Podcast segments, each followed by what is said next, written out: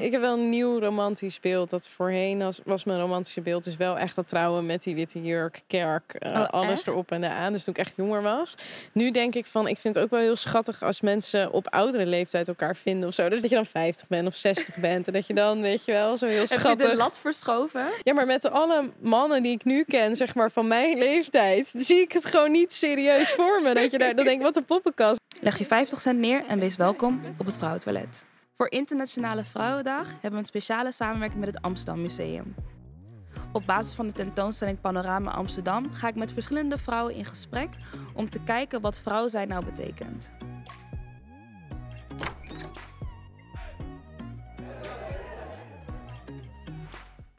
En ik zit hier met Talita Muse.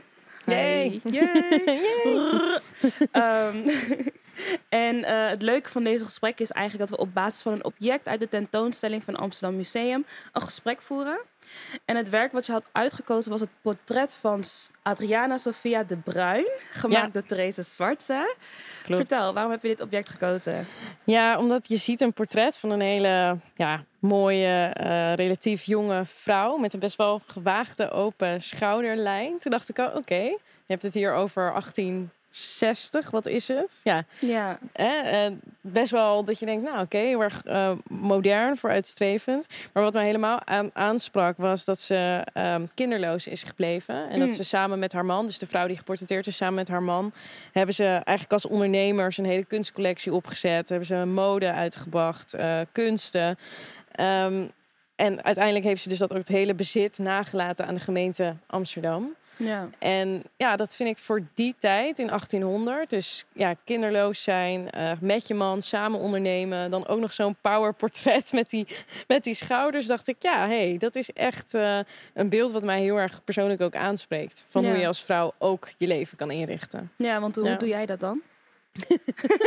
nou, ik hoop een je- beetje. Ja, als je kan Ik hoop ook een beetje zo. Nou, ik heb nog geen man, dus die moet er nog eh, misschien komen. Of misschien dus ook niet. Hè. Dat Ja. is denk ik een beetje ook wel het, het statement van...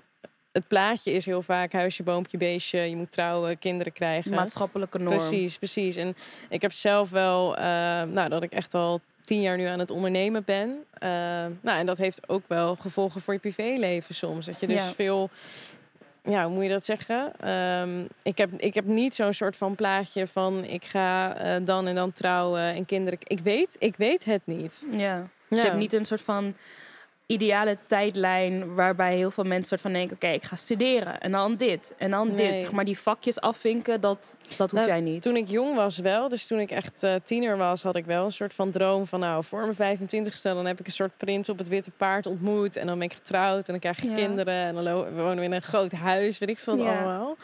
Eh, maar eigenlijk tijdens studietijd merkte ik gewoon heel erg van ik heb zoveel ja, idealen, ambities, ik wil heel veel dingen doen.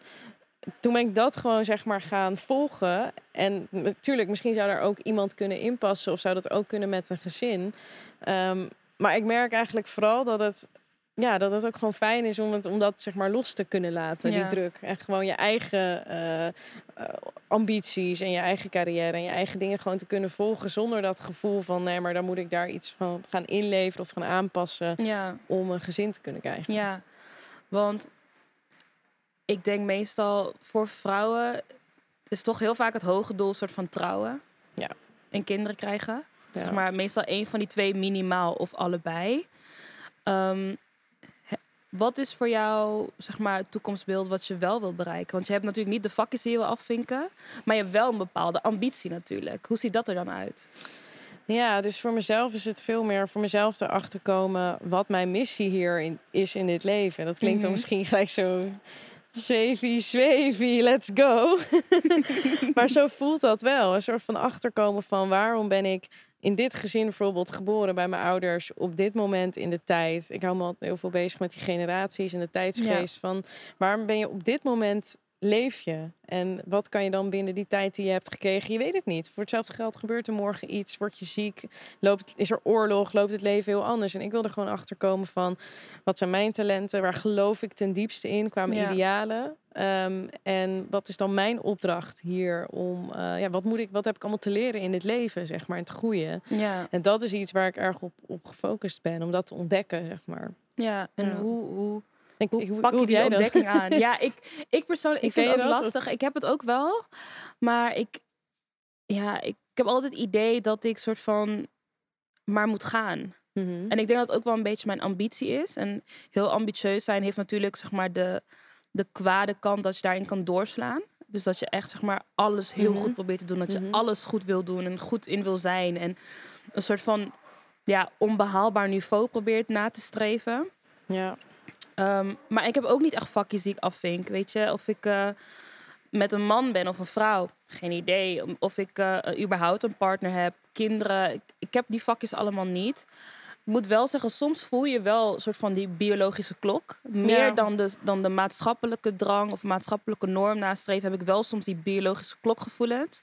Dat ik echt wel denk van, oké, dat is wel echt super schattige baby. Oh my kindje, god. ja, die wil ik wel. ontvoeren. Of Pakken. bij mijn, mijn jonge nichtjes Ja. en neven dat ik echt denk van... oké, jij gaat gewoon met mij mee naar huis. Me niet wat je Mm. moeder zegt. Dus dat voel ik wel. Maar ik heb niet zoiets van... oh, ik wil nu stappen om ondernemen om daar naartoe te werken. Nee. Dat heb ik nou echt totaal niet. En het is meer... Zeg maar, iedereen... Maar weet- hoe weet je zeg maar, of dat gevoel uit jezelf komt of dat het iets is wat je hebt aangeleerd? Want dat weet ik voor mezelf nog niet. Van, voel ik die druk van, oh, ik ben al shit, ik, ik ben al 30. Van shit, ik ben al 30. Misschien, ik wil niet dat ik mijn kans misloop dat ik wel inderdaad kinderen Ja. kan krijgen. Maar ik weet niet in welke mate mij dat een soort aangeleerde behoefte is, of angst of zorg, of dat ik dat echt zelf wil ten diepste. Dat weet ik gewoon niet. Maar ja, ik heb hier best wel een grappig verhaal over. Maar het bij mij begon het eigenlijk toen mijn moeder zei... als ik toen wist wat ik nu weet, Hmm. dan had ik het niet gedaan Zo. om kinderen te krijgen. Ja. En toen dacht ik echt, thanks. Dat is nice. Ja. Eh, maar het is wel een soort van... Zij gaf gewoon aan dat ze niet, niet voorbereid was op hoe zwaar het was. Niet voorbereid was op hoeveel moeite, tijd, geld en ook van jezelf het vergde. Ehm, en zo sta ik er eigenlijk ook wel in. Van ja, tuurlijk, ik zou het kunnen. Maar wil ik het doen op een manier dat, ik, dat het ten koste gaat van mezelf? Of wil ik het doen op een manier dat het, dat het iets heel fijn is? En ik heb natuurlijk ook heel veel meegemaakt als kind. En als ik nu kinderen Ja. krijg, doorbreek ik dan die generationele trauma? Of Of geef je iets geef door, zeg maar. Dat wil je weet ook je? En in Ja. hoeverre kan je dat ook tegengaan? En ik denk dat om die vraag te beantwoorden, moet je wel echt heel diep in jezelf kijken. En ik geloof oprecht dat we allemaal als mens gewoon ehm flawed zijn. Dus we hebben allemaal iets wat niet helemaal top is. Of iets waarin we falen als mens. Of misschien tekortschieten. En ik denk dat het belangrijk is om daarnaar te kijken. Van met al die kwalijke punten, durf je het dan nog steeds? Ja, En ik heb heel lang gedacht, nee, dan durf ik het niet. Oh, dat is wel heel herkenbaar. Dat heb ik ook. Dat Ja. ik dan denk van, heb ik wel echt voldoende inzicht in de dingen bij mezelf die bij mezelf spelen? Eh, angsten inderdaad, trauma's, eh, negatieve karaktertrekken, eh die, die, allerlei dingen die je hebt opgelopen zeg maar in je leven. Ja. Heb ik daar wel echt voldoende zicht op? Of komen die zo meteen dat inderdaad als ik kinderen heb als soort duveltje uit een doosje dat ik in één keer merk van, oh wow, weet je wel? En dat zal En dan geef je dat weer door. gebeuren. Ja, maar dat is, dat is wel heel eng, toch? Ja, Ja. en ik denk dat om, om die vraag direct te beantwoorden, de reden waarom ik weet dat, dat ik het zeg maar, dat het niet aangeleerd is om die drang te hebben soms, is omdat het ook weer heel snel wegvaagt. Hmm. Dat ik ook weer dan denk van ja, ik hoef helemaal geen kinderen. Ik heb een superleuk leven en ik ben allemaal leuke dingen aan het doen en aan het reizen, et cetera. En ik vind het prima als het er niet is. Ehm, en dat als ik een partner zou hebben die zou zeggen, ja, voor mij hoeft het niet. Dan zou ik daar ook heel erg veel Ja, vrede daar zou je dus ook oké mee zijn en Ja. gelukkig mee kunnen En zijn. ik vind, ja. weet je, ik vind adopteren ook een goede optie. Ik vind pleegouderschap ook een goede optie. Coachen, jongerenwerk, en in andere vormen bijdragen aan de maatschappij, behalve alleen maar het hebben van een kind zelf. Want Ja. ik vind dat eerder een in plaats van een drang naar ouderschap, vind ik het een drang van voortplanting. Weten dat je iets achterlaat. Ja. En ik wil niet. Ik wil niet dat het enige wat ik achterlaat een kind is, bij wijze van. Dus ik denk dat daarin voor mij het verschil erg ligt. Ik denk dat ik er heel erg hetzelfde, hetzelfde in zit. Maar dan toch voel ik wel af en toe die soort van druk van... Is dit wel normaal? Ben ik niet heel raar dat ik dit zo voel en kan zeggen en Ja. vind. En dat ik het op zijn beloop inderdaad laat. Ik heb ook wel vriendinnen die zeggen... je moet echt je eitjes gaan invriezen. Ja. Want weet je, als je dit zo op zijn beloop laat... en dan hou je zelf de controle erover... en dan kan je altijd nog... Ja. Dan zat ik dus gisteren onder de douche over na te denken... van zou ik mijn eitjes nou per se willen invriezen? Nou, dat is toch ook weer vanuit die soort van controle... van het moet zo gaan verlopen. Ja, je moet ook je- de natuurlijke weg soort van volgen om een eigen kind te hebben. Iets wat van jezelf komt. Precies. En ik denk dat dat ook wel, ja, het- dat is ook een stukje maatschappelijke norm. Weet Ja. je, je moet zelf een kind maken. Of Ja. adoptie is alleen maar een bepaalde optie als je het echt niet zelf kan. Ja. Of IVF is alleen maar als het echt niet zelf lukt. En daarin zit natuurlijk ook wel heel veel discriminatie ook naar vrouwen toe. Maar ik denk altijd van ja, kijk, invriezen ja of nee, dat is een hele persoonlijke vraag. Maar ik zie het gewoon een soort van.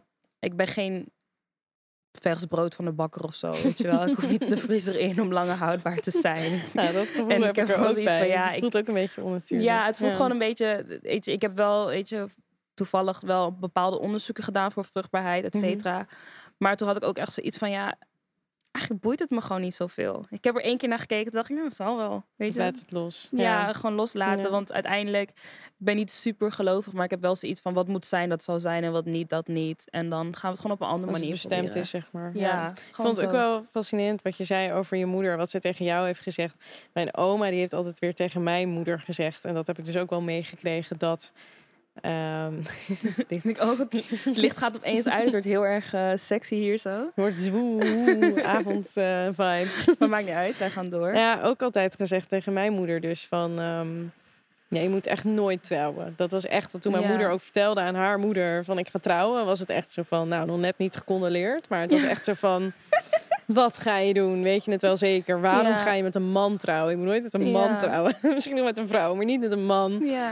Eh, dus dat zit ook wel ergens in mijn onderbewuste. Een soort gevoel van. Ik heb ook altijd dat ik zeg van als ik een relatie met iemand wil en ik zou wel gaan trouwen, dan wil ik altijd mijn eigen appartement aanhouden. ja, dat heb ik Nou, bijvoorbeeld ook. Ja, ja. nou, Ja. ik heb al een paar keer gehad dat iemand met wie ik aan het daten was. En dan echt, dat vind ik echt heel raar. Dat kan echt niet. Als wij samen gaan, dan gaan we alles samen. Samen Oh, een huis, echt? samen dit. Mag je echt niet je eigen huisje aanhouden. Terwijl ik echt het gedachte dat ik mijn eigen appartementje ga opgeven, dat, Ja, dat zou ik echt dus nu niet meer willen. Nee, ik ook Ja. echt niet hoor. Nee, ik zit echt heel lekker in Rotterdam. Dus daar ga ik ook echt niet meer weg. Oh, je bent ook Rotterdams? Ja. Oh. Nee, ik ben niet. Rotterdams. Ik ben een Amsterdammer, geboren en getogen.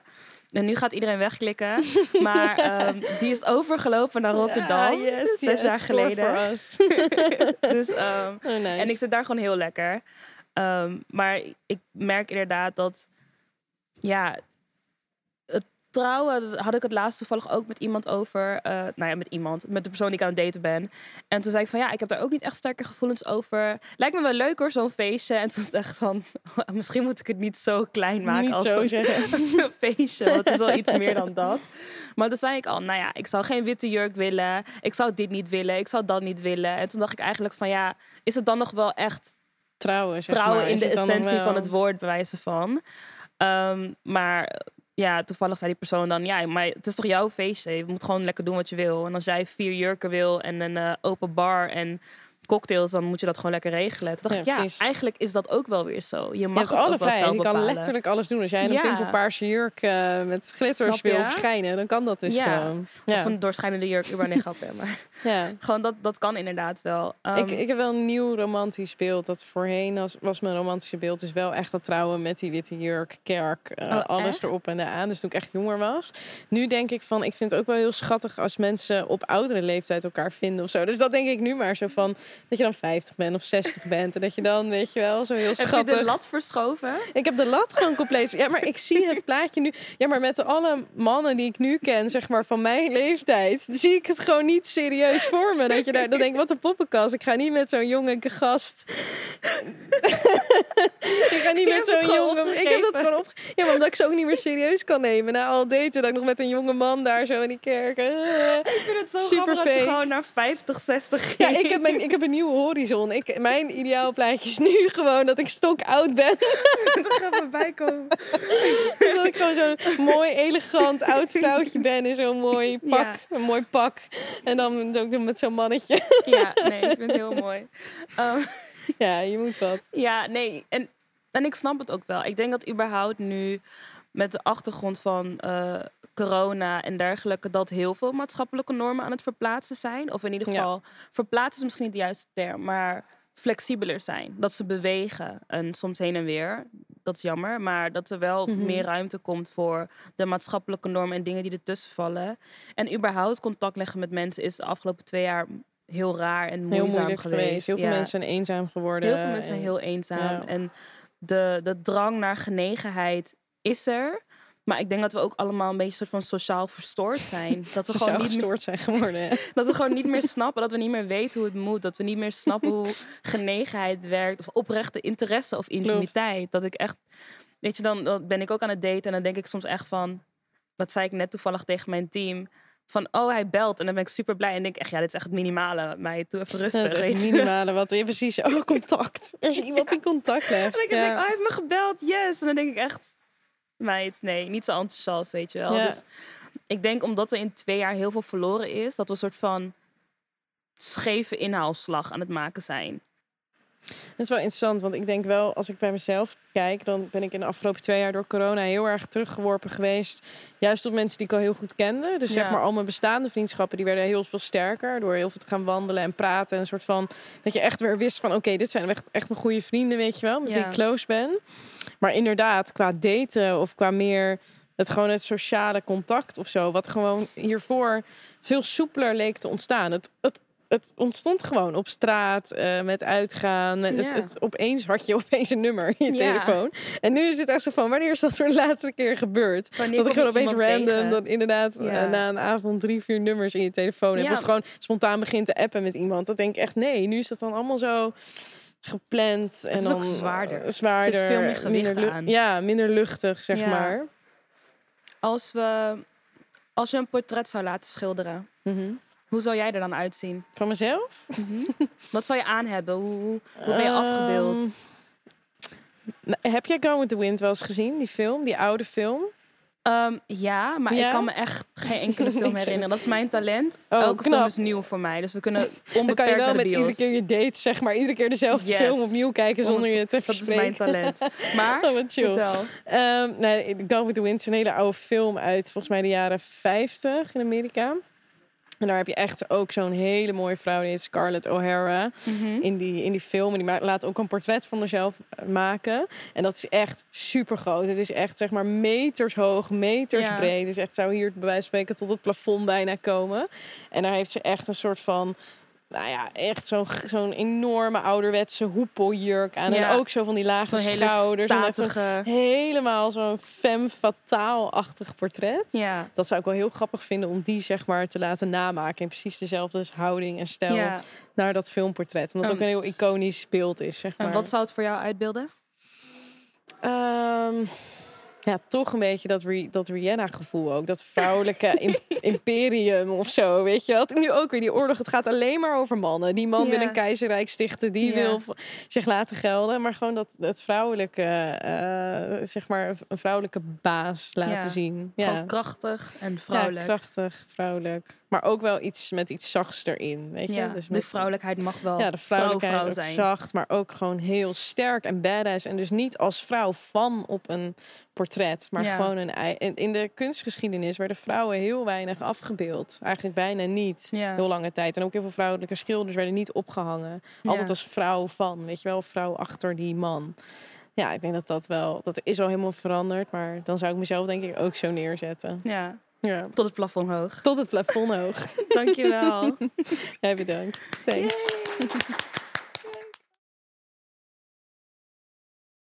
Bedankt voor het kijken naar het Vrouwentoilet. Dit was een speciale aflevering in samenwerking met het Amsterdam Museum. Vergeet niet te abonneren, liken, subscriben. Volg ons op Spotify, Apple Podcast. Oh, en ook nog Instagram. Vergeet je handen niet te wassen en I'll see you soon.